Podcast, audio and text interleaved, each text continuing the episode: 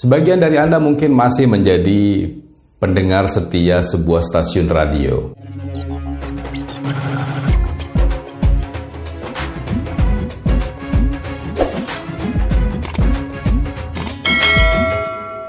Tapi faktanya ada beberapa radio yang bisa dikategorikan sebagai radio yang gagal. Radio gagal ya ujung-ujungnya mereka akan berakhir eh, bangkrut, tutup dan tidak siaran lagi. Tapi bagaimana supaya bisa mempertahankan sebuah stasiun radio tetap bisa siaran dengan baik dan tidak dikategorikan menjadi sebuah radio gagal? Berikut catatannya. Ada lima faktor kenapa radio dikategorikan sebagai radio yang gagal. Yang pertama adalah pancaran radionya buruk. Kategori ini lumayan tinggi loh nilainya, sampai 73%. Ya, bagaimana sebuah radio bisa didengarkan dengan baik kalau kualitas pancarannya buruk? Mungkin daya pancarnya tidak terlalu besar, atau mungkin daya pancarnya besar sebenarnya. Tapi kualitas antena itu tidak bagus, tidak match, atau mungkin bisa saja uh, mereka ditempatkan di tempat-tempat yang tidak strategis atau sebuah kotanya itu memiliki kontur wilayah yang berbukit dan lain sebagainya itu bisa menjadi salah satu penyebab sebuah pancaran menjadi buruk. Yang kedua, musiknya buruk. Itu sampai dengan 51%. Ya, pemilihan musik bisa menjadi hal yang paling utama untuk sebuah stasiun radio bisa didengarkan oleh pendengarnya. Maka tidak heran, radio-radio besar, grup-grup besar, radio-radio network berani mengambil seorang musik director yang mereka bisa mengcover semua kebutuhan lagu di radio tersebut.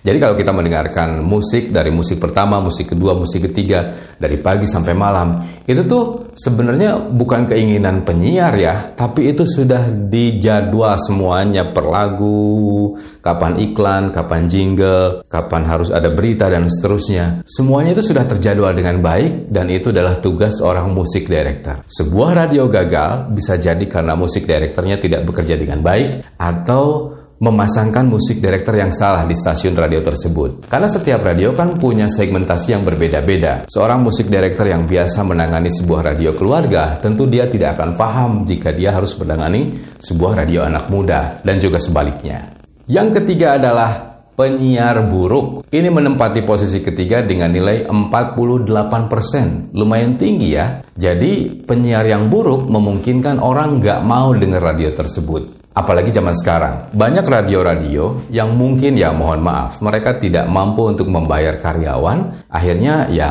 siapa aja boleh siaran. Mereka yang tiap hari main ke studio misalnya mereka diajakin siaran, tiba-tiba mereka jadi penyiar, tiba-tiba mereka merekam iklan dan lain sebagainya. Suara mereka dijadikan voice over. Nah, ini yang kemudian membuat radio tersebut jadi radio buruk dan tidak ada pendengarnya karena orang-orang hanya apa sih ini radio? Mungkin lagunya bagus tapi penyiarnya nggak ada yang bagus gitu. Mereka hanya, halo selamat malam, kirim salam, nama saya, saat ini jam, apa kabar?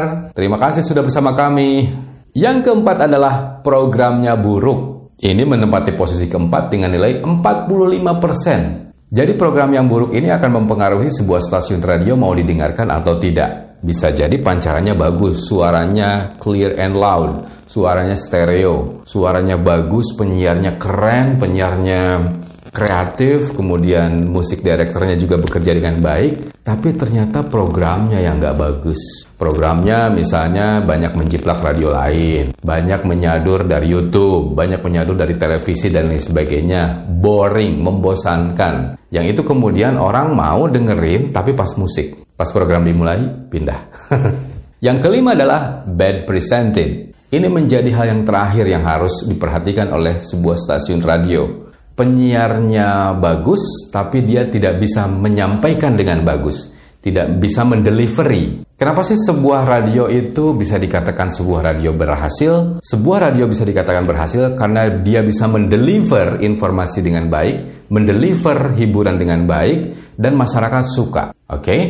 Dan makin bagus radio itu disebut, maka kemudian dia adalah menjadi stasiun radio yang bisa berdampak terhadap masyarakat pendengarnya. Sepanjang radio itu tidak punya dampak apa pun terhadap masyarakat sekitar misalnya atau masyarakat pendengarnya, maka kita bisa kategorikan radio tersebut adalah radio gagal.